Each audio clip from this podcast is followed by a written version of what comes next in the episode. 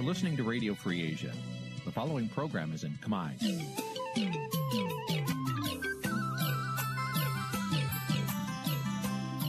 Nǐ chi càm bi tiệp xáy vệt chiu a zì sê ray នេះជាកម្មវិធីផ្សាយរបស់ Vithu Azisari ជាភាសាខ្មែរ វត្តឈូអាស៊ីសេរីសូមស្វាគមន៍លោកអ្នកនាងទាំងអស់ពីរដ្ឋធានី Washington នៃសហរដ្ឋអាមេរិក។ ចាប់ផ្សាយផ្ទាល់ពីរដ្ឋធានី Washington នាងខ្ញុំខែសុណងសូមជម្រាបសួរលោកនាងកញ្ញាប្រិយមិត្តអ្នកស្ដាប់និងអ្នកទស្សនាការផ្សាយរបស់វិទ្យុអេស៊ីសេរីទាំងអស់ជាទីមេត្រីចា៎នាងខ្ញុំសូមជូនកម្មវិធីផ្សាយសម្រាប់យប់ថ្ងៃសុក្រ10កើតខែមិញឆ្នាំឆ្លូវត្រីស័កពុរសករាជ2565ដែលត្រូវនឹងថ្ងៃទី11ខែកុម្ភៈគ្រិស្តសករាជ2022ចា៎ជាដំបូងនេះសូមអញ្ជើញលោកនាងស្ដាប់ព័ត៌មានប្រចាំថ្ងៃដែលមានមេត្តាដូចតទៅ thank you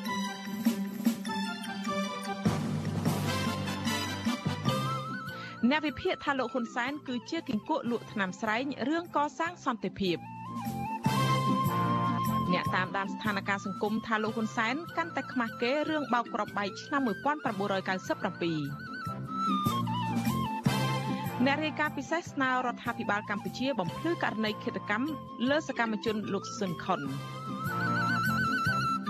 ចានៅក្នុងនីតិវិទ្យាអ្នកស្ដាប់វិទ្យុអាស៊ីសេរីនារាត្រីនេះយើងនឹងជជែកថាតើស្ថានភាពនយោបាយនៅកម្ពុជាបច្ចុប្បន្ននឹងអាចធ្វើការបោះឆ្នោតនាពេលខាងមុខដោយសេរីយុត្តិធម៌បានដែរឬទេចារួមនឹងព័ត៌មានផ្សេងៗមួយចំនួនទៀត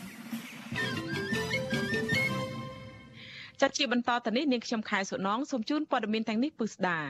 ចាលោករនាងជាទីមេត្រីក្រុមអ្នករិះគន់លើកឡើងថាលោកនាយករដ្ឋមន្ត្រីហ៊ុនសែនគ្មានភាពជាគំរូសម្រាប់ប្រទេសដទៃដើម្បីកសាងសន្តិភាពនោះទេព្រោះលោកជាមេដឹកនាំហិង្សាបំផ្លាញគណៈបកប្រឆាំងបន្លំលទ្ធផលបោះឆ្នោត និងប្រព្រឹត្តអំពើពុករលួយជាដើម ការលើកឡើងរបស់អ្នករិះគន់បែបនេះគឺធ្វើឡើងបន្ទាប់ពីមេដឹកនាំឯកបៈរូបនេះបានអួតអាងពីនយោបាយឈ្នះឈ្នះរបស់លោកថាបានជួយស្វែងរកសន្តិភាពនៅក្នុងតំបន់ចាប់ពីរដ្ឋធានី Washington លោកទីនសាការីយ៉ារាយការណ៍ព័ត៌មាននេះក្រុមអ្នករិះគន់ចំអកឲ្យលោកហ៊ុនសែនថាមេដឹកនាំឯកបៈរូបនេះគឺជាកញ្កក់លក់ថ្នាំស្រែងក្នុងន័យថាប្រទេសខ្លួនឯងមិនទាន់មានសន្តិភាពពេញលេញផងបែរជាដើរប្រាប់មេដឹកនាំប្រទេសដទៃទៀតឲ្យខិតខំកសាងសន្តិភាពនៅឧបទ្វីបកូរ៉េទៅវិញ។ សមាជិកគណៈបកសង្គ្រោះជាតិដែលរត់ភៀសខ្លួននៅសហរដ្ឋអាមេរិកដោយសារតែការតាមធ្វើទុកបុកម្នេញពីរដ្ឋាភិបាលលោកហ៊ុនសែននោះគឺលោករុនចន្ទធីថ្លែងថាជារឿងអស់សំណើចដែលលោកហ៊ុនសែនជាមេដឹកនាំប្រជាការរំលោភសិទ្ធិមនុស្សនិងកោះរំលើងលទ្ធិប្រជាធិបតេយ្យល្បីរន្ទឺពេញពិភពលោកបែរជាដើរតួជាអ្នកផ្សព្វផ្សាយសន្តិភាពទៅវិញលោកបន្តថាមុនណែនាំមេដឹកនាំប្រទេសដទៃនោះលោកហ៊ុនសែនគួរតែកែប្រែខ្លួនឯងសិននិងវិលមកចូលតុកចរចាជាមួយគណៈបកសង្គ្រោះជាតិ ដើម្បីដោះស្រាយចំនួននយោបាយរ៉ាំរ៉ៃឲ្យផ្សះផ្សាជាតិស្ដារលទ្ធិប្រជាធិបតេយ្យនិងគោរពសិទ្ធិមនុស្សព្រមទាំងគោរពនីតិរដ្ឋពិតប្រាកដឡើងវិញជាមុនសិន។ លោកហ៊ុនសែនគឺល្បីខ្លាំងជាងគេមកនឹងការគ្រប់គ្រងបែបផ្ដាច់ការបែបយោធាបែបបពុនិយមនឹងហើយមានឈ្មោះអាស្រូវទៅលើឆានអន្តរជាតិយ៉ាងខ្លាំងហើយតែឥឡូវទៅបង្រៀនគេតាំងខ្លួនឯងធ្វើជាគំរូគេនោះវាហាក់បីដូចជារឿងអស់សំណើចបំផុតហើយអាការទៅទទួលវ៉ាន់សន្តិភាពវាមិនឆ្លុះបញ្ចាំងអំពីទស្សនវិជ្ជាពិតតាលោកហ៊ុនសែនជាអ្នកបង្រួបបង្រួមសន្តិភាពសោះព្រោះក្នុងសង្គមកម្ពុជាយើងបច្ចុប្បន្នគាត់រំលោភគ្រប់ទម្រង់ទាំងអស់ហើយថ្មីថ្មីយើងឃើញនៅណាដែលហាមាត់និយាយហ្នឹងគាត់ប្រាយតឡាការរបស់គាត់ចាប់មនុស្សដាក់គុកហើយសុំបីតែកម្មករកម្មការនីណាការវើលគាត់ណារឿងអាហារ3ពេលដែលគាត់បាតកម្មហ្នឹងចាប់ដាក់គុកដាក់ច្រវាក់ហើយកន្លងមកការរំលោភដីធ្លីការរំលោភផ្ទះសម្បែងប្រជាពលរដ្ឋការប្រើហិង្សាលើអ្នកនយោបាយការរំលោភទៅលើសិទ្ធិរស់រានមានជីវិតរបស់ប្រជាពលរដ្ឋក្នុងប្រទេសហ្នឹងគឺថាវាមានគ្រប់ទម្រង់ទាំងអស់ជាមួយគ្នានេះនាយវិភាគនយោបាយដែលភៀសខ្លួនរស់នៅប្រទេសហ្វាំងឡង់ដែលរដ្ឋាភិបាលលោកហ៊ុនសែនតាមចាប់ខ្លួនដែរនោះគឺលោកកំសុកមានប្រសាសន៍ថា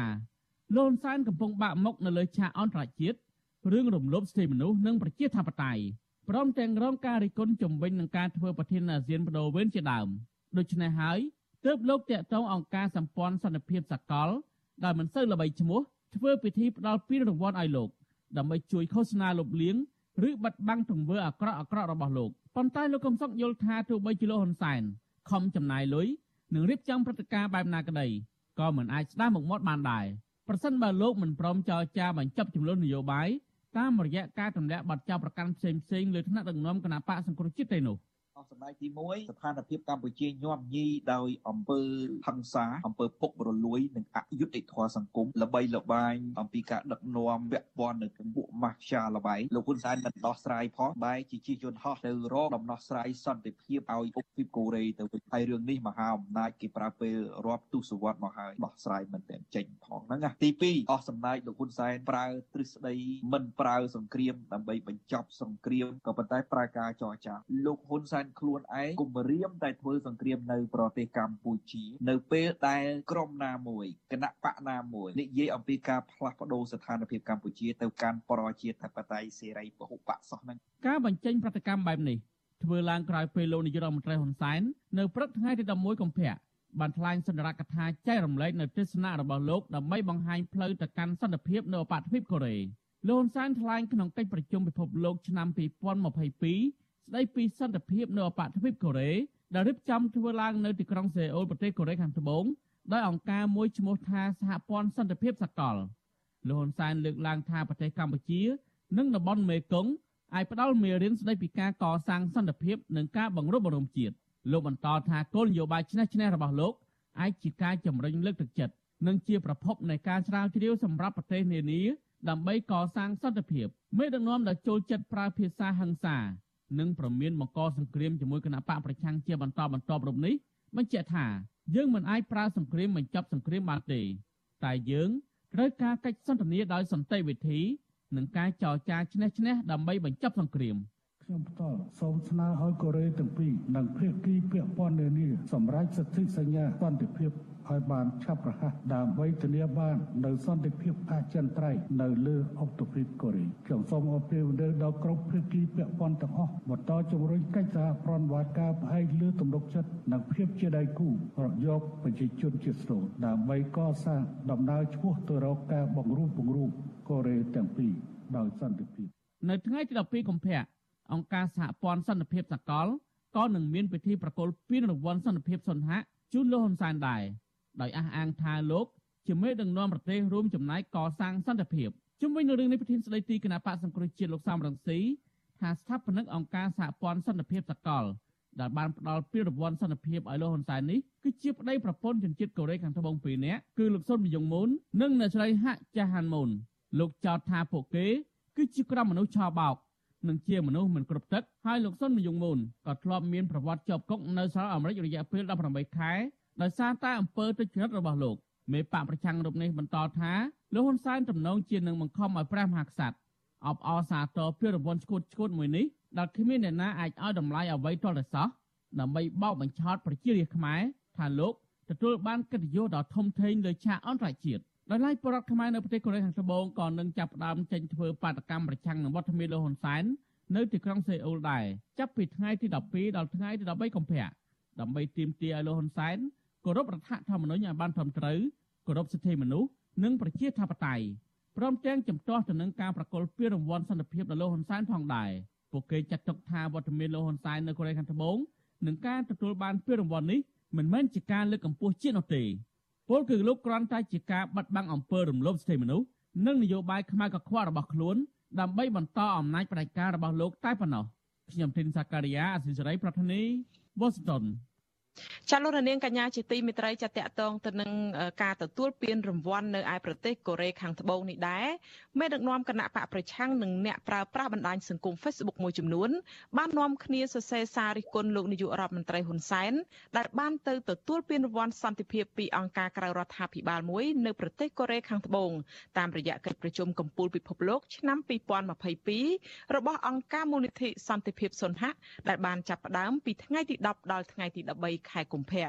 ពួកគេថាពានរង្វាន់ដែលមានឈ្មោះថាសន្តិភាពនេះមិនឆ្លុះបញ្ចាំងពីតថភាពជាក់ស្ដែងនៅកម្ពុជាបច្ចុប្បន្ននិងសកម្មភាពពិតប្រាកដរបស់លោកហ៊ុនសែននៅក្នុងភាពជាមេដឹកនាំដែលស្វែងរកសន្តិភាពពិតជូនជាតិមាតុភូមិនោះឡើយចាប់ពីរដ្ឋធានី Washington លោកសេកបណ្ឌិត មានការស្រង់សេចក្តីនៅទស្សនៈឬក៏ comment មួយចំនួនពីបណ្ដាញសង្គម Facebook ជូនលោកនាងដូចតទៅ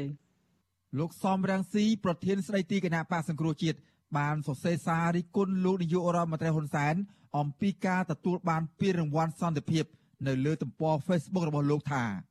ក្រមមនុស្សមិនគ្រប់ទឹកផ្ដល់ពានរង្វាន់សន្តិភាពឈួតឈួតទៅឲ្យហ៊ុនសែនលោកសំរាស៊ីបានសរសេរអធិប្បាយបន្តថានៅថ្ងៃទី10កុម្ភៈលោកហ៊ុនសែនបានធ្វើដំណើរទៅប្រទេសកូរ៉េខាងត្បូងដើម្បីទទួលពានរង្វាន់សន្តិភាពឈ្មោះសន្តិភាពសុនហៈតែគួរឲ្យអស់សម្ដៅពានរង្វាន់នេះ គឺផ្ដល់ដោយអង្គការកូរ៉េមួយឈ្មោះ Universal Peace Federation បង្កើតឡើងដោយមេឆោបោកធ្លាប់ជាប់គុកឈ្មោះសុនបយងមូនដើម្បីឆោបោកប្រជារាស្ត្រខ្មែរថាគាត់ទទួលបានកិត្តិយសដ៏ធំធេងលើឆាកអន្តរជាតិលោកថាលោកហ៊ុនសែនទំនងជានឹងបង្ខំព្រះមហាក្សត្រឲ្យអបអរសាទរពានរង្វាន់មួយនេះដែលគ្មានអ្នកណាឲ្យតម្លៃតតែសោះខមមិនឆ្លើយតបនឹងទស្សនៈយល់ឃើញរបស់លោកសំរាស៊ីនេះ ម្ចាស់ករណី Facebook ឈ្មោះលៀងស្រីរស់បានសរសេរតបថា ពាក្យស្លោកពីបុរាណអត់ខុសទេ នាងរត់រោគអ្នកខាតលាក់រត់រោគអកបៈអង្សាចំណែកម្ចាស់ករណី Facebook មួយទៀតឈ្មោះលីប៉ៅធានក៏បានសរសេរដែរថា ស្លាកសន្តិភាព ក្រោមទឹកភ្នែករះគ្រប់ទីកន្លែង នេះឬសន្តិភាពរីឯម្ចាស់ករណី Facebook ឈ្មោះគឹមឈូនជាក៏ចូលរួមខមមិនដែរថា អ្នកឲ្យមិនគ្រប់អ្នកទទួលឈួតនឹងអំណាចដោយឡែកម្ចាស់ករណី Facebook មួយទៀតឈ្មោះស្រីនិត បានដាក់ជាចម្ងល់ថាមិនដឹងជាជួលពួកនឹងអស់លុយប្រមាណទេលោកអើយសំដែងដូចមិនទំនងសោះចំណែកម្ចាស់ករណី Facebook ឈ្មោះកសលពិនវិញ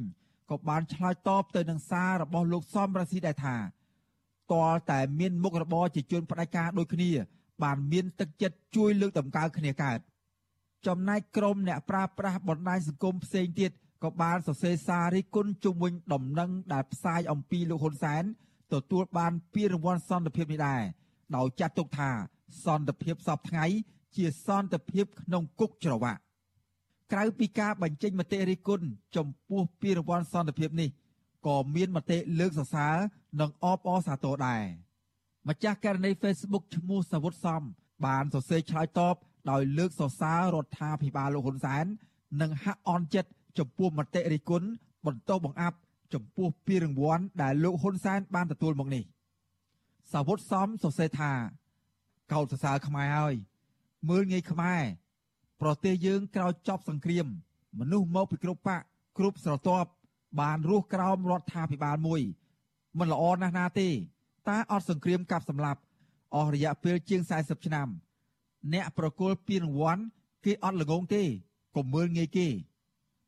ដោយឡែកម្ចាស់ករណី Facebook ឈ្មោះផានគីមវិញ ហាក់មើលមិនឃើញពីគុណតម្លៃដែលលោកហ៊ុនសែនទទួលបាននោះសោះឡើយផានគីមបានសរសេរខមមិនតបទៅនឹងរឿងនេះដែរថាពានរង្វាន់នេះគឺជាពានរង្វាន់មីរហនអារហនទើបផ្សំនឹងរហ័សនាមរបស់លោកហ៊ុនសែនដែលមានបាតដៃប្រឡាក់ទៅដោយឈាមរបស់ប្រជាពលរដ្ឋខ្មែរជាច្រើនរាប់សិបប៉ុណ្ណោះ ហើយក៏រួមជាមួយនឹងវីរៈបរោះខ្មែរជាច្រើនរូបផ្សេងទៀតដែលគេបានលួចធ្វើឃាត ហើយមិនអាចរកមុខឃាតករឃើញរហូតដល់សពថ្ងៃនេះចំណែកម្ចាស់ករណី Facebook ឈ្មោះសួសកៃឡារិទ្ធបានបញ្ចេញទស្សនៈដែរថា ជាពានរង្វាន់ដែលខានសម្រាប់ខ្មែររយៈពេល3ឆ្នាំកន្លងមកដោយឡែកម្ចាស់ករណី Facebook ផ្សេងទៀតក៏បានបន្តឆ្លើយតបនឹងរឿងនេះដែរថាគេឲ្យដោយខ្វាក់ភ្នែកទេ ការពិត ប្រជាជនដាក់រហ័សនាមថាបរោះជើងខ្លាំងខាងគម្រាមសម្រាប់ចាប់ចង ធ្វើបាបប្រជាជន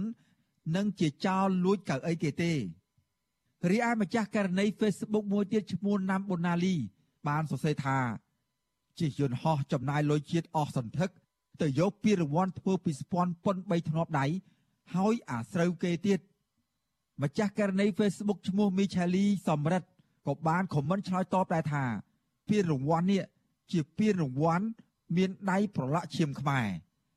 ក្រៅពីមតិរិះគន់តាមបណ្ដាញសង្គមក្រមពលករខ្មែរនៅប្រទេសកូរ៉េខាងត្បូងក៏បានត្រៀមធ្វើបាតកម្មប្រឆាំងនឹងវត្តមានលោកនាយករដ្ឋមន្ត្រីហ៊ុនសែនដែលទៅទទួលពានរង្វាន់សន្តិភាពនៅទីក្រុងសេអ៊ូលនៅថ្ងៃទី10ដល់ថ្ងៃទី13ខែកុម្ភៈក្រមពលករឲ្យដឹងថាពួកគេជួបជុំគ្នានៅថ្ងៃសៅរ៍ទី12និងថ្ងៃអាទិត្យទី13កុម្ភៈ ដើម្បីធ្វើបាតកម្មដោយអហិង្សា ដោយមានដុតភ្លើងទៀនចាក់ភ្លេងកំសត់ និងលើកបដាជាច្រើនផ្ទាំង ដែលនិយាយអំពីសោកនាដកម្មលើពលរដ្ឋខ្មែរការរំលោភសិទ្ធិមនុស្សនិងការសម្លាប់ប្រជាធិបតេយ្យនៅកម្ពុជា ពួកគេថាលោកហ៊ុនសែនមិនមែនជាមេដឹកនាំដែលស័ក្តិសមនឹងទទួលបានពានរង្វាន់ឈ្មោះថាសន្តិភាពនេះទេរីឯអ្នកវិភាគវិញថា លោកហ៊ុនសែនមកទទួលពានរង្វាន់សន្តិភាពคล้ายៗតែប៉ុណ្ណោះខ្ញុំបាទសេកបណ្ឌិតវុទ្ធុអាស៊ីសេរីពីរដ្ឋធានីវ៉ាស៊ីនតោន ចាលោកនាងកញ្ញាជាទីមេត្រីចាតកតងទៅនឹងរឿងមេដឹកនាំគណៈបកសង្គ្រោះជាតិឯនេះវិញលោកកឹមសុខាប្រធានគណៈបកសង្គ្រោះជាតិបានជួបពិភាក្សាការងារជាមួយអ្នកស្រី Sarah Taylor ជាឯកអគ្គរដ្ឋទូតថ្មីនៃប្រទេសកាណាដាប្រចាំប្រទេស3រួមមានកម្ពុជាថៃនិងឡាវនៅគេហដ្ឋានរបស់លោក កាលពីនៅថ្ងៃសុក្រទី11ខែកុម្ភៈនេះចាលោកកឹមសុខាបានសរសេរនៅលើទំព័រ Facebook របស់លោកនៅក្នុងជំនួបនេះថាអ្នកស្រី Sarah Taylor បានលើកឡើងថាប្រទេសកាណាដាកំពុងតែតាមដានយ៉ាងយកចិត្តទុកដាក់អំពីដំណើរការសវនាការនិងសិទ្ធិសេរីភាពនយោបាយរបស់លោក របស់លោកព្រមទាំងស្ថានភាពនយោបាយនានានៅកម្ពុជាអ្នកស្រីបន្តថារដ្ឋាភិបាលកាណាដាបានជួយកម្ពុជាកន្លងមកក្នុងការស្វែងរកសន្តិភាពប្រជាធិបតេយ្យសិទ្ធិមនុស្សហើយកាណាដានៅតែចង់ជួយប្រជាពលរដ្ឋខ្មែរបន្តទៀតទន្ទឹមដែរតុលាការកម្ពុជាបើកសវនាការរឿងក្តីលោកកឹមសុខាឡើងវិញក្រោយពីបានផ្អាកប្រមាណជា4ឆ្នាំមក គេសង្កេតឃើញថា ក្រោយពីបានផ្អាកប្រមាណជាជិត2ឆ្នាំមក គេសង្កេតឃើញថាមានតំណាងទូតនៃប្រទេសប្រជាធិបតេយ្យជាច្រើន បានចាប់អារម្មណ៍រឿងក្តីក្តាំនេះនិងបានជួបពិភាក្សាការងារជាមួយលោកកឹមសុខានៅគេហដ្ឋានរបស់លោកជាបន្តបន្ទាប់ កាលពីថ្ងៃទី10ខែកុម្ភៈម្សិលមិញលោកកឹមសុខាក៏បានជួបពិភាក្សាជាមួយឯកអគ្គរដ្ឋទូតសហគមន៍អឺរ៉ុបប្រចាំកម្ពុជា គឺអ្នកស្រី Carmen Moreno និងសហការីដែលជាតំណាងផ្លូវការរបស់សហភាពអឺរ៉ុបហើយកាលពីថ្ងៃសុក្រសប្តាហ៍មុនលោកក៏បានជួបជាមួយឯកអគ្គរដ្ឋទូតអូស្ត្រាលីប្រចាំកម្ពុជាគឺលោកប៉ាប់ឡូកងហើយផងដែរដើម្បីពិភាក្សាអំពីដំណើរការសវនាការរឿងក្តីរបស់លោកនិងស្ថានភាពនយោបាយទូទៅនៅកម្ពុជាសវនាការរឿងក្តីរបស់លោកកឹមសុខានឹងបន្តធ្វើនៅថ្ងៃពុធទី16ខែកុម្ភៈខាងមុខបន្ទាប់ពីតុលាការសម្រេចលើកពេលសវនាការដែលគ្រោងធ្វើនៅថ្ងៃទី9ខែកុម្ភៈដោយសារមេធាវីដើមម្ដងរដ្ឋបវេនីម្នាក់កំពុងធ្វើចតាឡេសាបន្ទាប់ពីរកឃើញវិជ្ជមានជំងឺ Covid-19 សហមេធាវីការពារក្តីលោកកឹមសុខាគឺអ្នកស្រីមេងសុភារីឲ្យដឹងថាការពន្យាពេលញឹកញាប់បែបនេះនឹងធ្វើឲ្យរឿងក្តីរបស់មេបកប្រឆាំងរូបនេះបន្តអូសបន្លាយមិនដឹងថាអាចនឹងត្រូវបញ្ចប់នៅពេលណានោះឡើយ។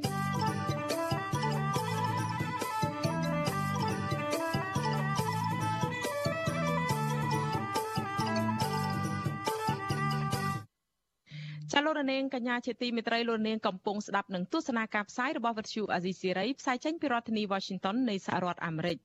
ការបោះឆ្នោតជ្រើសរើសក្រុមប្រឹក្សាឃុំសង្កាត់ឆ្នាំ2022នេះកាន់តែខិតជិតចូលមកដល់ហើយសង្គមស៊ីវិលនិងអ្នកវិភាគសង្គមមើលឃើញថាវិបត្តិនយោបាយនៅកម្ពុជានៅតែមិនទាន់ដោះស្រាយហើយបរិយាកាសនយោបាយវិញក៏នៅមិនទាន់អំណោយផលដល់គណៈបកនយោបាយប្រឆាំងចូលរួមការបោះឆ្នោតប្រកបដោយភាពសេរីនិងយុត្តិធម៌នោះឡើយដែរដែរតើរដ្ឋាភិបាលឯកបៈត្រូវដោះស្រាយបញ្ហាអ្វីដើម្បីធានាដល់ការប្រកួតប្រជែងការបោះឆ្នោតនៅពេលខាងមុខប្រកបដោយសេរីត្រឹមត្រូវនិងយុត្តិធម៌ចាលោកនាងនឹងបានស្ដាប់ការបកស្រាយរបស់សង្គមស៊ីវិលអ្នកជំនាញកិច្ចការបោះឆ្នោតនិងអ្នកវិភាគសង្គមនៅក្នុងនីតិវេទិកាអ្នកស្ដាប់ពទ្យុអាស៊ីសេរីនៅពេលបន្តិចទៀតនេះហើយប្រសិនជាលោកនាងមានជាសំណួរឬក៏មតិយោបល់លោកអ្នកអាចដាក់លេខទូរស័ព្ទរបស់លោកអ្នកនៅក្នុងប្រអប់សារ Messenger ឬក៏នៅក្នុងខ្ទង់ comment Facebook និង YouTube នៅក្នុងការផ្សាយផ្ទាល់នេះហើយក្រុមការងាររបស់យើងនឹងស្រង់លេខទូរស័ព្ទរបស់លោកនាងហើយនឹងហៅត្រឡប់ទៅលោកនាងវិញចាសសូមអរគុណ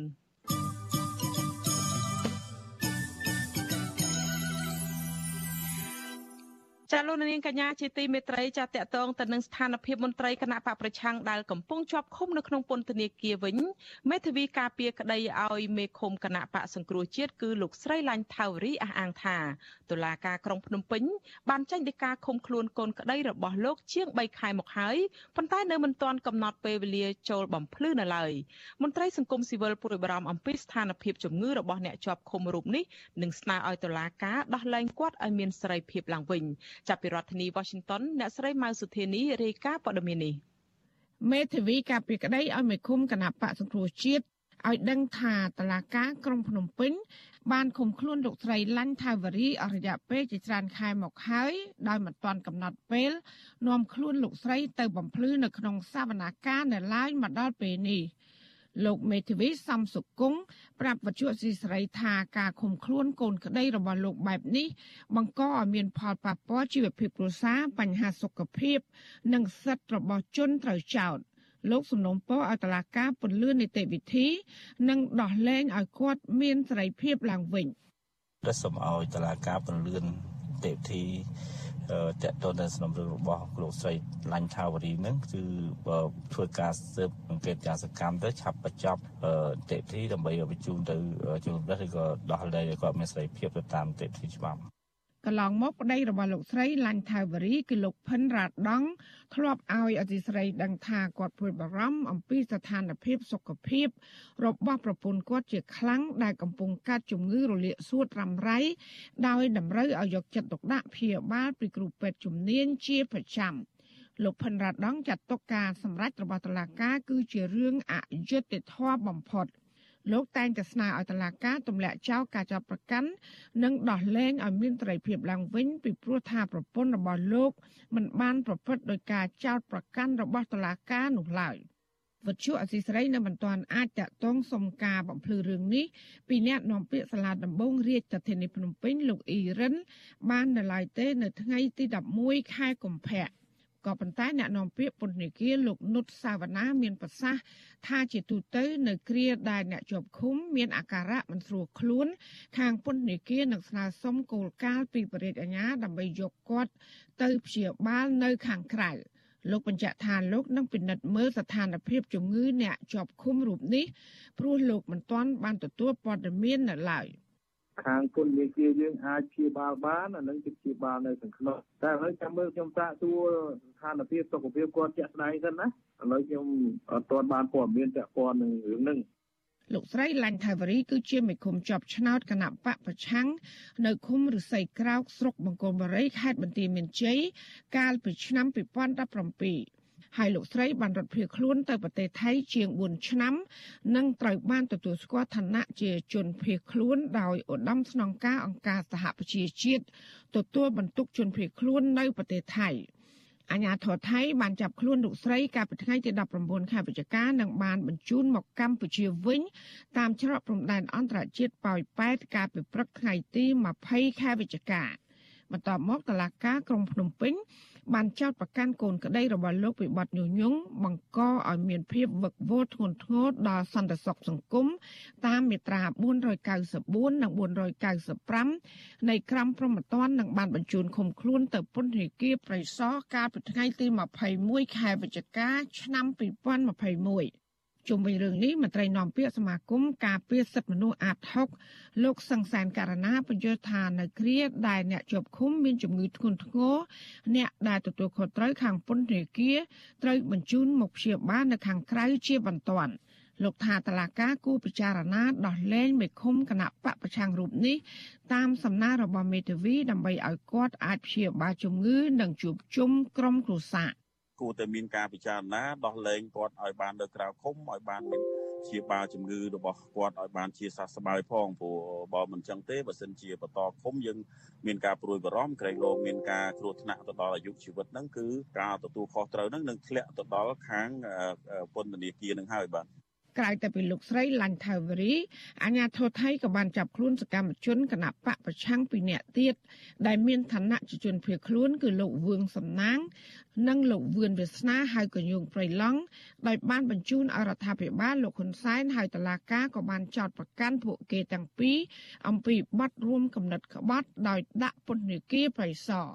ចាននាងខ្ញុំម៉ៃសុធានីវិទ្យុអាស៊ីស្រីប្រធានាធិបតី Washington ចាលោករនាងកញ្ញាជាទីមេត្រីចាអ្នកវិភាគលើកឡើងថាសំណុំរឿងគប់ក្របបែកកាលពីឆ្នាំ1997ដែលតុលាការបារាំងសម្រេចចោទប្រកាន់ក្រុមមេកងអង្គរៈលោកហ៊ុនសែនពីបទសំគំនិតប៉ុនប៉ងសម្លាប់មនុស្សក្នុងករណីបោកក្របបែកកាលពីឆ្នាំ1997នោះធ្វើឲ្យរដ្ឋាភិបាលលោកហ៊ុនសែនអាម៉ាស់មុខលើឆាកអន្តរជាតិថែមទៀតទោះយ៉ាងណាអ្នកនាំពាក្យគណៈបកកណ្ដាលអំណាចនៅតែអះអាងថាលោកសំរងស៊ីកំពុងប្រឌិតរឿងតែលោកនាងនឹងបានស្ដាប់សេចក្តីរាយការណ៍នេះពុស្ដានៅពេលបន្តិចទៀតនេះ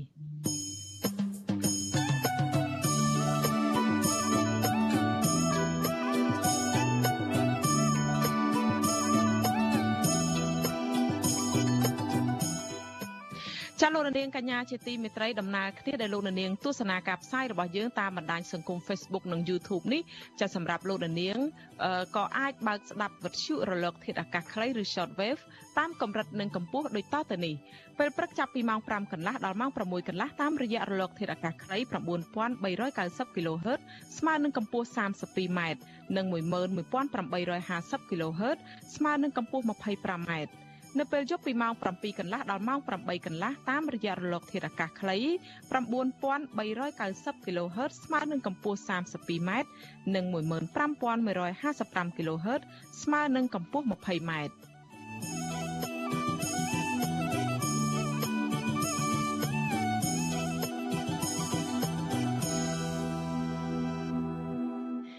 ចាលោកនាងកញ្ញាជាទីមេត្រីចាតកតងទៅនឹងរឿងសកម្មជនបរិស្ថានឯនេះវិញអតីតសកម្មជនមេដាធម្មជាតិចាប់ផ្ដើមធ្វើការងារសង្គមឡើងវិញហើយបន្ទាប់ពីជាប់ពន្ធនាគារជាង1ឆ្នាំ យុវជនស្រឡាញ់បរិស្ថានលោកថនរដ្ឋាបានចេញផ្សាយវីដេអូថ្មីជាជាលើកទី1ចាបង្ហោះនៅលើគេហទំព័រផ្ទាល់ខ្លួន បន្ទាប់ពីបានចេញពីពន្ធនាគារចំនួន3ខែគត់លោកថនរដ្ឋានិងយុវជនមួយចំនួនទៀតធ្លាប់បានបង្ហោះវីដេអូទាមទារឲ្យរដ្ឋាភិបាលបញ្ឈប់ការលុបបង្ខំធម្មជាតិនិងការពារបរិស្ថានបណ្ដាលឲ្យតុលាការចោទប្រកាន់ពួកគេពីបទញុះញង់បទរួមគំនិតក្បត់ និងបទប្រមាថព្រះមហាក្សត្រជាដើមចាជាបន្តទៅនេះសូមអញ្ជើញលោកនាងទស្សនាវីដេអូខ្លីមួយដែលផលិតដោយលោកថនរដ្ឋាពីទឹកលូបង្ហូរចូលស្ទឹងសៀមរាបដូចតទៅក្រុងសៀមរាបជាទីក្រុងប្រវត្តិសាស្ត្រដ៏ចំណាស់មួយស្ថិតនៅភាគពាយ័ព្យនៃប្រទេសកម្ពុជាសម្បូរទៅដោយសម្បត្តិវប្បធម៌ប្រាសាទបុរាណតំបន់ទេសចរប្រវត្តិសាស្ត្រនិងធម្មជាតិហើយតាក់ទាញភ្ញៀវទេសចរ6.6លាននាក់កាលពីឆ្នាំ2019និងរកចំណូលបានប្រមាណ5000លានដុល្លារ ប៉ុន្តែជារឿងដ៏គួរឲ្យភ្ញាក់ផ្អើលទឹកកខ្វក់ដែលសង្ស័យថាមិនទាន់បានឆ្លងកាត់ការចម្រោះនិងមានធំក្លិនស្អុយចេញពីបំពង់បង្ហូរលូមានសភាពខ្មៅផ្ទុកទៅដោយកាកសំណល់រលួយ កំពុងបង្ហូរចូលទៅក្នុងស្ទឹងសៀមរាបរបស់យើង ដែលហូរចេញពីមន្ទីរពេទ្យផ្សារសន្តាគារផ្ទះសំណាក់ភោជនីយដ្ឋាន និងផ្ទះប្រជាពលរដ្ឋក្រុងសៀមរាបមានអាងប្រព្រឹត្តកម្មទឹកកខ្វក់មួយកន្លែង មានទំហំ12ហិកតាសាងសង់អស់រយៈពេល7ឆ្នាំចំណាយលុយអស់14លានដុល្លារហើយត្រូវបានសម្ពោធដាក់ឲ្យប្រើប្រាស់កាលពីឆ្នាំ2010ប៉ុន្តែពេលនេះអាងចម្រោះទឹកកខ្វក់នេះប្រែក្លាយជាអាងចិញ្ចឹមត្រីទៅវិញខ្ញុំក៏បានព្យាយាមស្វែងរកព័ត៌មានតាក់ទងនឹងអាងចម្រោះទឹកកខ្វក់ថ្មី តែរកមិនឃើញទាល់តែសោះខ្ញុំបារម្ភថា ទឹកស្អុយដែលបង្ហូរចូលស្ទឹងសៀមរាបហើយបន្តហូរចូលបឹងទន្លេសាប ដោយមិនបានឆ្លងកាត់ការចម្រោះធ្វើឲ្យប៉ះពាល់មុខមាត់កម្ពុជា និងបំផ្លាញជីវៈចម្រុះនៅក្នុងទឹកមិនត្រឹមតែប៉ុណ្ណោះទឹកនេះត្រូវបានប្រើប្រាស់ដើម្បីស្រោចដំណាំដាំបន្លែចិញ្ចឹមត្រី និងនេសាទដែលធ្វើឲ្យប៉ះពាល់យ៉ាងធ្ងន់ធ្ងរមកដល់សុខភាពសាធារណៈក្នុងនាមខ្ញុំជាយុវជនដែលស្រឡាញ់សន្តិភាពពេញលេញនិងបរិស្ថានស្អាតខ្ញុំចង់ឃើញទឹកស្ទឹងសៀមរាបជាស្ទឹងដែលមានទឹកថ្លា ទាក់ទាញភ្ញៀវទេសចរឲ្យមកកំសាន្តម្ដងហើយម្ដងទៀតមិនមែនជាស្ទឹងទឹកលូនោះទេខ្ញុំស្នើឲ្យមន្ត្រីពាក់ព័ន្ធពិនិត្យដោះស្រាយបញ្ហានេះនិងបើកដំណើរការអាងចម្រោះទឹកកខ្វក់ឡើងវិញបើបងប្អូនគ្រប់គ្រងបងប្អូនគ្រាន់តែចុច like និងចែករំលែកវីដេអូនេះសូមអរគុណអរខែសៀមរាបទៀតថាណោះតការខ្ញុំប្រតិបត្តិការបាត់ ច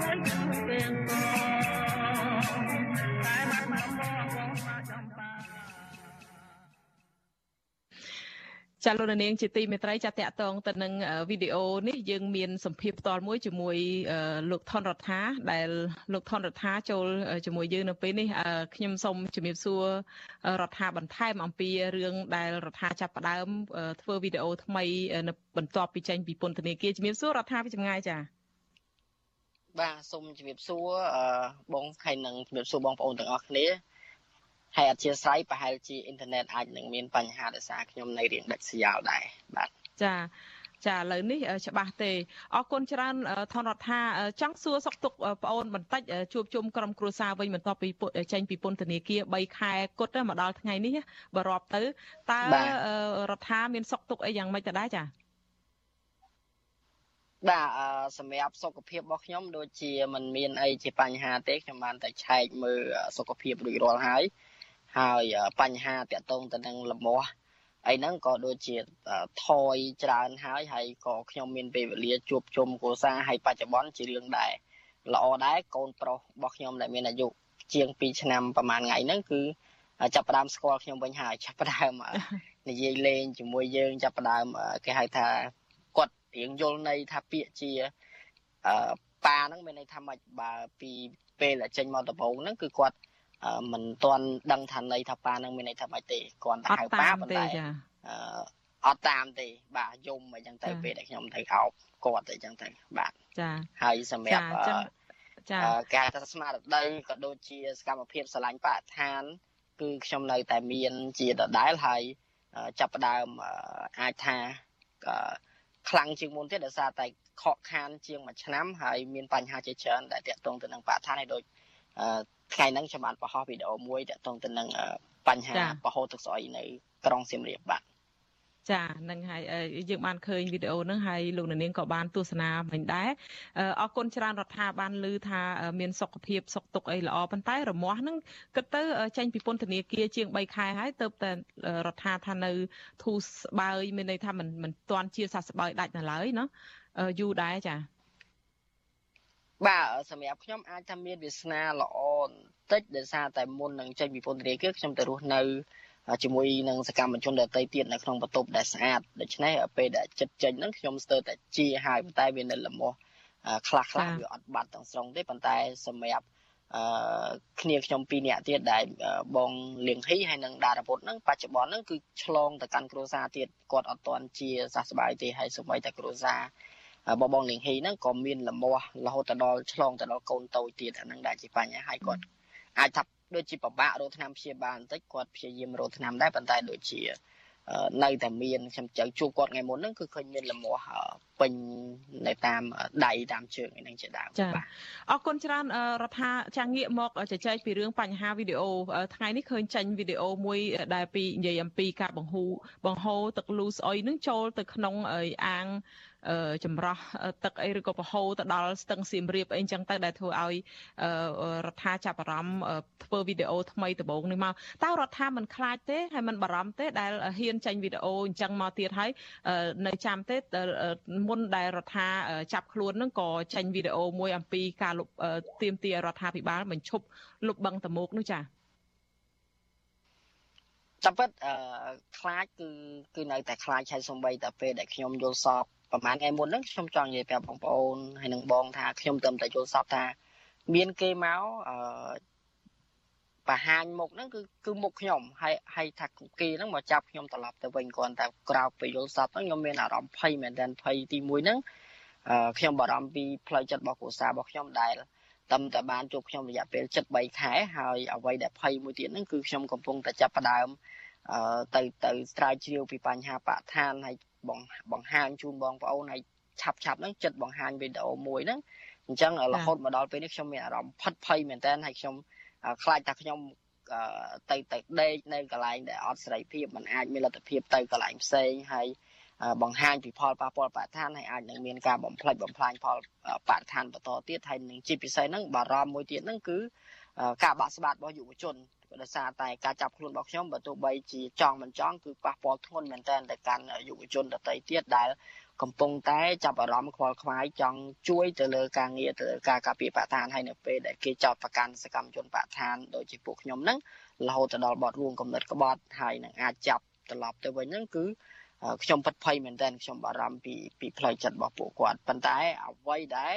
ជំរុញឲ្យខ្ញុំនៅតែបន្តបង្ហោះវីដេអូបើទោះបីជាភ័យខ្លាចមែនពិតអឺ ខ្ញុំនៅតែបង្ហោះវីដេអូហ្នឹងគឺសកម្មភាពរបស់ខ្ញុំខ្ញុំនៅតែចាត់ទុកថាវាជាសកម្មភាពដែលស្របច្បាប់ស្របតាមរដ្ឋធម្មនុញ្ញអឺនៃប្រទេសកម្ពុជាកតិកាសញ្ញាក៏ដូចជាច្បាប់ជាតិហើយនិងអន្តរជាតិនេះគឺគ្រាន់តែជាការការចូលរួមក្នុងការការពារទន្ទឹមជាតិវាអត់មិនជាអំពើដែលខុសច្បាប់ជាបទល្មើសទេគឺជាការរួមចំណែកមួយដែលក្នុងនាមយើងជាពលរដ្ឋសកម្មជាយុវជនដែលសកម្មហ្នឹងគ្រាន់តែជាឆ្អាលរឿងធនធានធម្មជាតិអញ្ចឹង ហើយអ្វីដែលខ្ញុំខ្លាចទៀតគឺគឺគឺខ្លាចគេហៅថាយើងមិនមានគំរូភាពណាមួយសម្រាប់កូនចៅជំនាន់ក្រោយរបស់យើងក្រៅតែពីគំរូភាពនៃការភ័យខ្លាចនៃការបាក់ស្បាតពីជំនាន់យើងហើយបន្តទៅដល់ជំនាន់កូនចៅយើងអញ្ចឹងហើយបានជាបើទោះបីជាមានភាពភ័យខ្លាចតែខ្ញុំនៅតែអាចថានៅតែទៅមុខហើយបើខ្ញុំជឿថា អឺវីដេអូដែលនិយាយពីបញ្ហាបរិស្ថានគ្រាន់តែជាចេញពីក្តីស្រឡាញ់ក្នុងនាមជាយុវជនហ្នឹងទៅស្រឡាញ់បរិស្ថានរបស់ខ្លួនឯងចង់ឃើញប្រទេសរបស់ខ្លួនឯងស្អាតហ្នឹងហើយបើមានការចាប់ចងបន្តទៀតអឺខ្ញុំមិនដឹងនិយាយបែបម៉េចឲ្យសមទេប៉ុន្តែបងប្អូនទាំងអស់គ្នាអាចនឹងពិចារណាឡើងវិញថាតើប្រទេសប្រទេសខ្មែរយើងជាប្រទេសដែលគោរពនៃ លទ្ធិប្រជាធិបតេយ្យហើយគោរពនៃការបញ្ចេញមតិដែរឬអត់អញ្ចឹងទៅអញ្ចឹងហើយបានជាខ្ញុំនៅតែបន្តក្នុងនាមជាយុវជនក្នុងប្រទេសប្រជាធិបតេយ្យនៅតែហ៊ាននិយាយអ្វីដែលខ្ញុំចង់និយាយដដែលហើយទោះបីជាមានចង្វាក់នៅជើងមកទោះបីជាឥឡូវមានសេរីភាពតែយ៉ាងហោចណាស់ក៏ខ្ញុំនៅតែនិយាយថាមានចង្វាក់នៅជើងដែលมันអាចឲ្យខ្ញុំមានសេរីភាពដូចពីមុនដែរបាទ ចារដ្ឋាបើបើស្ដាប់ទៅនិយាយជារួមគឺរដ្ឋាចង់ប្រើប្រាស់សិទ្ធិរបស់ខ្លួនក្នុងនាមជាយុវជននិងពលរដ្ឋសកម្មនៅក្នុងការធ្វើកិច្ចការនេះហើយដោយសារអំណាចឬក៏ទំហំនៃទឹកចិត្តឬក៏ក្តីស្រឡាញ់ធនធានធម្មជាតិចង់បានប្រទេសស្អាតអីចឹងទៅ ចានឹក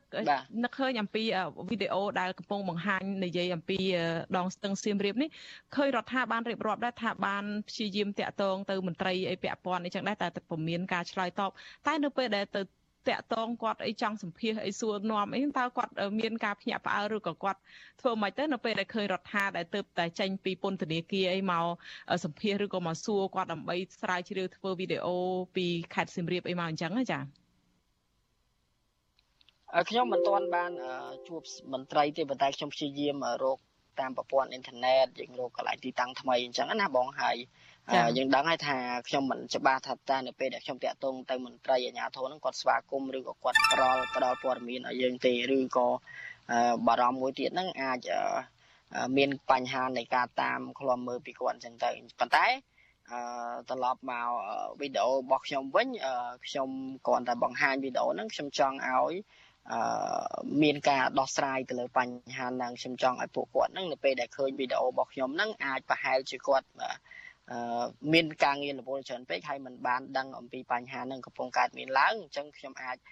នេះគឺជាព័ត៌មានដែលល្អមួយហើយបើសិនជាពួកគាត់យកព័ត៌មានទាំងអស់នេះទៅដោះស្រាយខ្ញុំជឿថាគាត់នឹងទទួលបានការសាទរពីសាធារណជន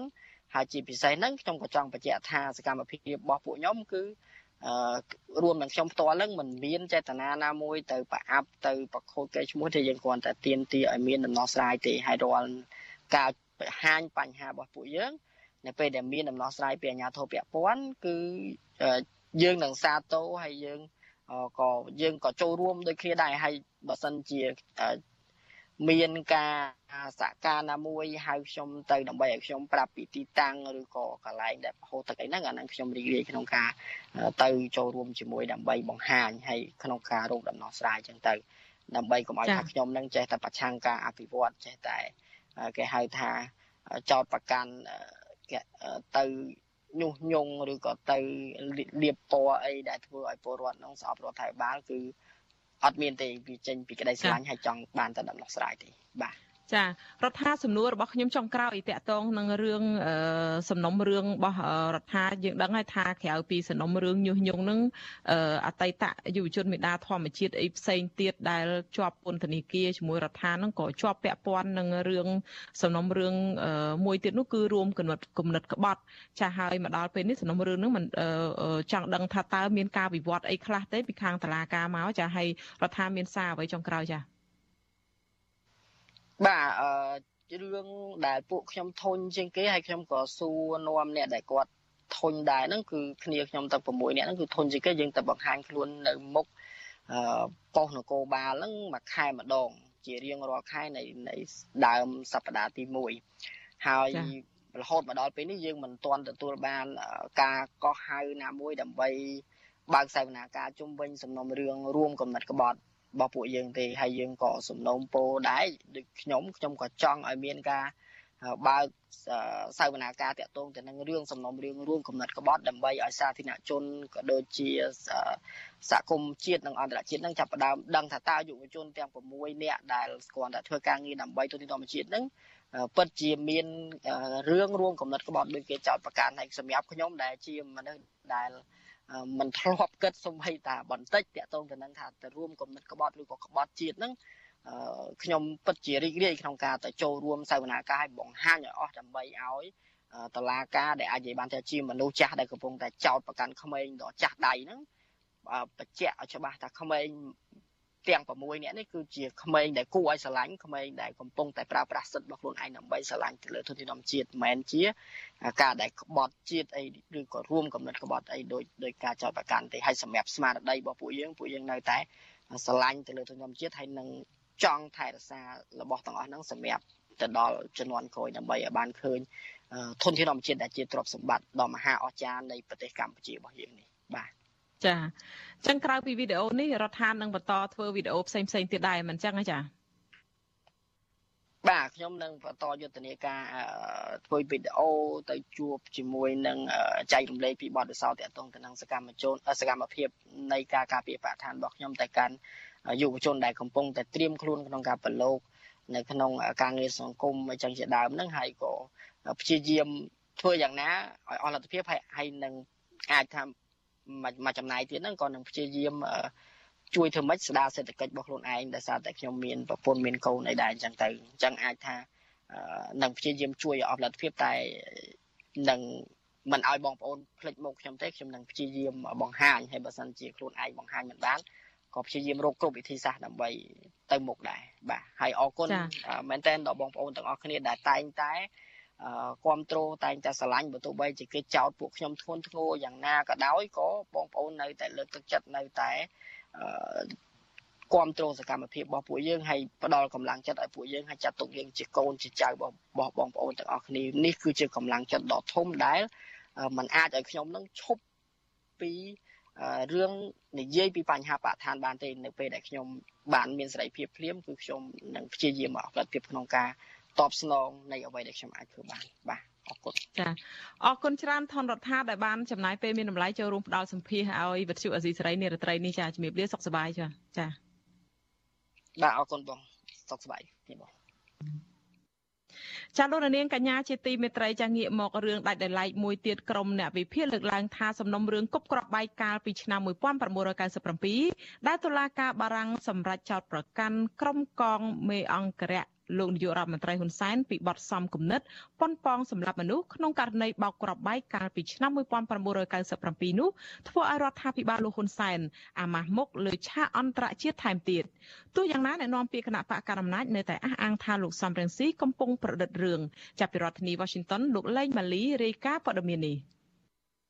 អ្នកវិភាគនយោបាយដែលកំពុងភៀសខ្លួននៅប្រទេសហ្វាំងឡង់លោកកឹមសុខយល់ថា សេចក្តីសម្រេចរបស់តុលាការបារាំងមានអធិបុលអាចបកស្បែកមុខលោកហ៊ុនសែនឲ្យសហគមន៍អន្តរជាតិដឹងថាលោកហ៊ុនសែនជាមេដឹកនាំមានបាតដៃប្រឡាក់ឈាម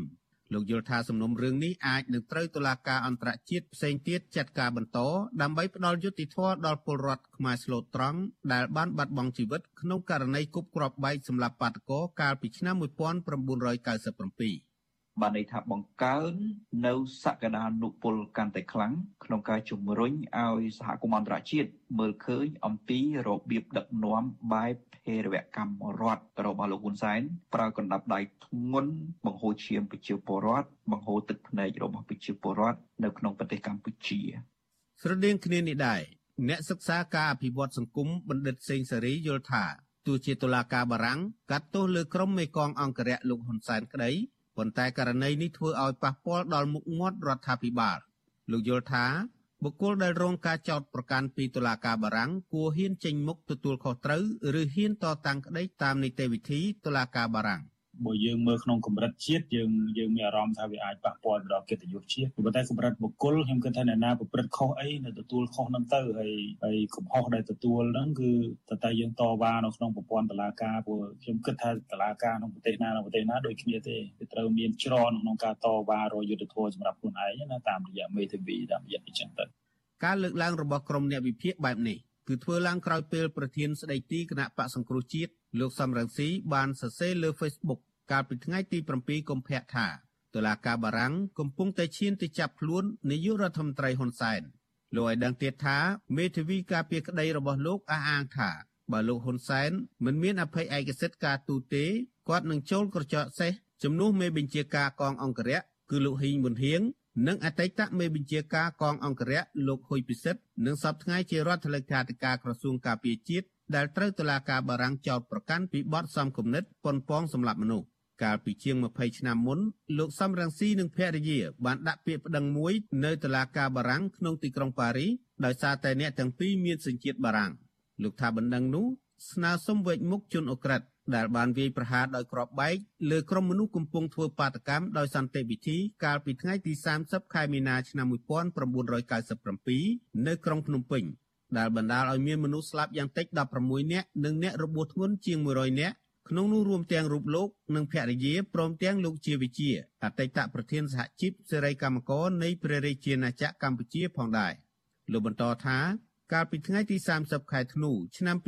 2021តុលាការទីក្រុងប៉ារីបានសម្រេចចោទប្រកាន់លើមេបញ្ជាការកងអង្គរៈលោកហ៊ុនសែនគឺលោកហ៊ីងប៊ុនហៀងនិងអតីតមេបញ្ជាការកងអង្គរៈគឺលោកហ៊ុយពិសិដ្ឋសពថ្ងៃជារដ្ឋលេខាធិការក្រសួងការពារជាតិទទួលបន្ទុកប្រចាំការអចិន្ត្រៃយ៍ នៅបញ្ជាការដ្ឋានកងអង្គរៈពីបទសំគំនិតប៉ុនប៉ងសម្រាប់មនុស្សដែលជាអ្នកទទួលខុសត្រូវធំជាងគេក្នុងអង្គភាពអង្គរៈលោកហ៊ុនសែនតុលាការក៏បានសម្រេចយកបុគ្គល2នាក់នេះទៅកាត់ទោសនៅចំពោះមុខតុលាការព្រហ្មទណ្ឌដែលផ្តន្ទាទោសអក្រិតជនជុំវិញការលើកឡើងនេះវិទ្យុអស៊ីសេរីមិនអាចសុំប្រតិកម្មពីអ្នកនាំពាក្យក្រសួងការពារជាតិលោកឈុំសុជាតិបានទេ នៅថ្ងៃទី11កុម្ភៈចំណែកអ្នកនាំពាក្យកងទ័ពជើងគោកលោកម៉ៅផាឡា ថ្លែងថាលោកមិនទាន់ទទួលបានព័ត៌មានទាក់ទងនឹងការសម្រេចរបស់តុលាការបារាំងលើក្រុមមេតបកម្ពុជានេះនៅឡើយទេទោះបីជាយ៉ាងណាក្តីអ្នកនាំពាក្យគណៈបកប្រជាជនកម្ពុជា លោកសុកអេសានថ្លែងថាលោកមិនបានដឹងពីសេចក្តីសម្រេចរបស់តុលាការបារាំងទេប៉ុន្តែលោកថ្លែងការពីលោកហ៊ុនសែនលោកហ៊ីងប៊ុនហៀងនិងលោកហ៊ុយពិសិដ្ឋថាមិនជាប់ពាក់ព័ន្ធករណីគប់គ្រាប់បែកកាលពីឆ្នាំ1997នោះទេ អានឹងតន់ដិតមានកុំព្យូទ័រនៅបន្ទប់នឹងទៅសេបានតើធ្វើបានតើយល់ហើយខ្ញុំខ្ញុំចំហរបស់ខ្ញុំគឺច្បាស់អញ្ចឹងវាអត់មានទៅអីទៅជឿតន់ដិតអីនិយាយទៅពីទៅពីទេតែខ្ញុំអត់ដឹងទេមិនដឹងឲ្យគេផ្ញើទៅណាអានឹងខ្ញុំអត់ដឹងអញ្ចឹងទេគឺថាខ្ញុំនិយាយតាមខ្ញុំដឹងពាក់ព័ន្ធនឹងករណីបោកគ្រាប់បែកនេះមេធាវីការពារក្តីលោកសំរងស៊ីនៅសហរដ្ឋអាមេរិកកាលពីឆ្នាំ2005ក៏បានប្តឹងករណីនេះនៅតុលាការទីក្រុងញូវយ៉កដែរកាលនោះ លោកហ៊ុនសែនដែលមានវត្តមាននៅកិច្ចប្រជុំកំពូលអង្គការសហប្រជាជាតិមិនបានចូលខ្លួនទៅបំភ្លឺនៅតុលាការនោះទេទើបតុលាការចេញដីកាសម្រេចយោងទៅតាមបណ្ដឹងរបស់លោកសំរងស៊ីខ្ញុំបាទលេងម៉ាលីវិទ្យុអស៊ីសេរីរាយការណ៍ពីរដ្ឋធានី Washington ចាលោកនាងកញ្ញាជាទីមេត្រីចាតកតងទៅនឹងការរីករាលដាលនៃជំងឺ Covid-19 វិញក្រសួងសុខាភិបាលរកឃើញជំងឺ Covid-19 ចំនួន274ករណីថ្មីទៀតដែលសុទ្ធតែជាមេរោគបំផ្លែងខ្លួនថ្មីអូមីក្រុងក្នុងនោះ8នាក់ជាករណីនាំចូលនិង266នាក់ទៀតជាករណីឆ្លងនៅក្នុងសហគមន៍ក្រសួងសុខាភិបាលបានកាលរំលឹកអំពីការពង្រឹងវិធានការសុខាភិបាលដើម្បីការពារការឆ្លងជំងឺ Covid-19 ជាពិសេសប្រភេទមេរោគបំផ្លែងខ្លួនថ្មីអូមីក្រុងក្នុងអំឡុងថ្ងៃបុណ្យនៃក្តីស្រឡាញ់14កុម្ភៈ ក្រសួងអំពាវនាវឲ្យសាធារណជនជាពិសេសយុវជនយុវនារីត្រូវប្រុងប្រយ័ត្នខ្ពស់នៅក្នុងការអនុវត្តវិធានសុខាភិបាលឲ្យបានម៉ត់ចត់តាមរយៈការកាត់បន្ថយការជួបជុំមនុស្សច្រើននិងញឹកញាប់ដើម្បីបង្ការទប់ស្កាត់ការឆ្លងរាលដាលជំងឺ Covid-19 គិតត្រឹមព្រឹកថ្ងៃទី11ខែកុម្ភៈនេះកម្ពុជាមានអ្នកកើតជំងឺ Covid-19 ប្រមាណ120,000នាក់ក្នុងនោះអ្នកជាសះស្បើយមានជាង110,000នាក់និងអ្នកស្លាប់មានចំនួន3015នាក់ ក្រសួងសុខាភិបាលប្រកាសថាគិតត្រឹមថ្ងៃទី10ខែកុម្ភៈម្សិលមិញរដ្ឋាភិបាលចាក់វ៉ាក់សាំងគ្រប់ដូសជូនពលរដ្ឋបានជាង13លាន7សែននាក់ក្នុងចំណោមពលរដ្ឋដែលត្រូវចាក់ប្រមាណ14លាននាក់ដែលរាប់ពីកុមារអាយុចាប់ពី5ឆ្នាំរហូតដល់មនុស្សពេញវ័យរីឯដូសជំរុញទី3និងទី4វិញរដ្ឋាភិបាលចាក់ជូនពលរដ្ឋសរុបបានជាង6លាននាក់ thank you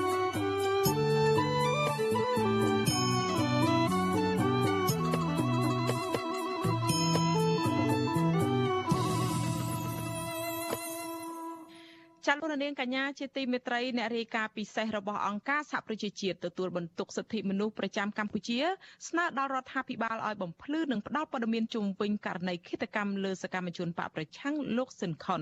ក្តីបារម្ភនេះធ្វើឡើងដោយសារតែអ្នកជំនាញបារម្ភអំពីភាពមិនស៊ីសង្វាក់គ្នា រវាងហេតុផលរបស់ជនសង្ស័យដែលអះអាងប្រាប់សមត្ថកិច្ចនិងសកម្មភាពនយោបាយរបស់ជនរងគ្រោះចាលោកនាងនឹងបានស្ដាប់សេចក្តីរាយការណ៍នេះពឹស្ដានៅព្រឹកស្អែក ចាលោករនាងកញ្ញាជាទីមេត្រីចាលោករនាងទៅបានស្ដាប់ព័ត៌មានប្រចាំថ្ងៃដែលជម្រាបជូនដោយនាងខ្ញុំខែសុណងចាសូមលោករនាងរងចាំស្ដាប់នេតិវេទិកាអ្នកស្ដាប់ពទ្យុអាស៊ីសេរីនៅពេលបន្តិចទៀតនេះ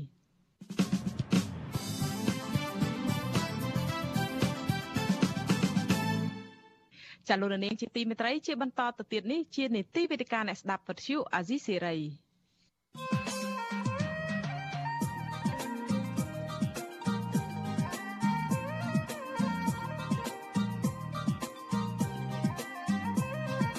វេទិកាអ្នកស្ដាប់វិទ្យុអាស៊ីសេរី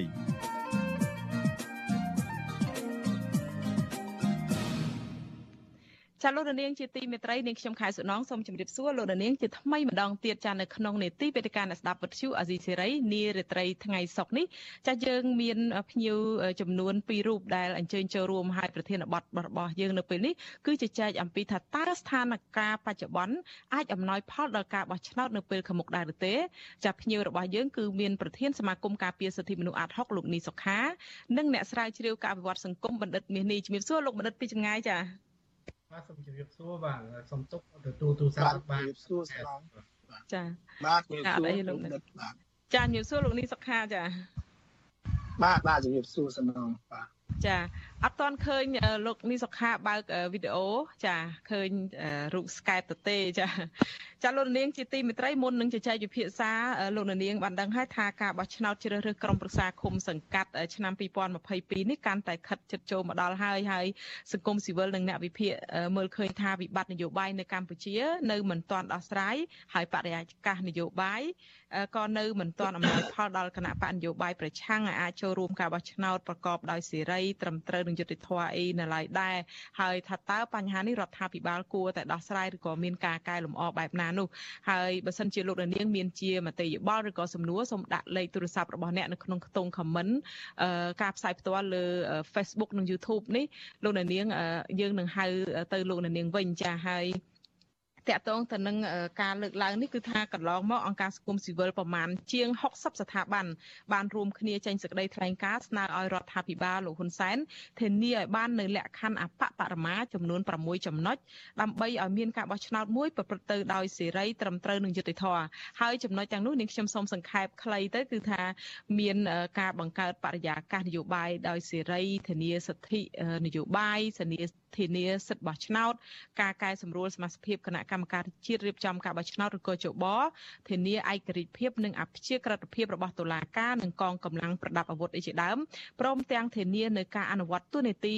ដោយសេរីរបស់អង្គការសង្គមស៊ីវិលហើយនិងប្រព័ន្ធផ្សព្វផ្សាយអីជាដើមចាជាបឋមដំបូងនេះនឹងខ្ញុំចង់បកគលសំណួរទៅលោកនីសុខាមុនដោយសារលោកនីសុខាក៏ធ្វើការក្នុងការងារកិច្ចការបោះឆ្នោតហើយនឹងវិស័យសិទ្ធិមនុស្សនឹងច្រើនដែរបណ្ដាញរបស់សមាគមអាត6នឹងធ្វើការលើកិច្ចការបោះឆ្នោតឃ្លាំមើលជារៀងរាល់អាណត្តិអីចឹងទៅ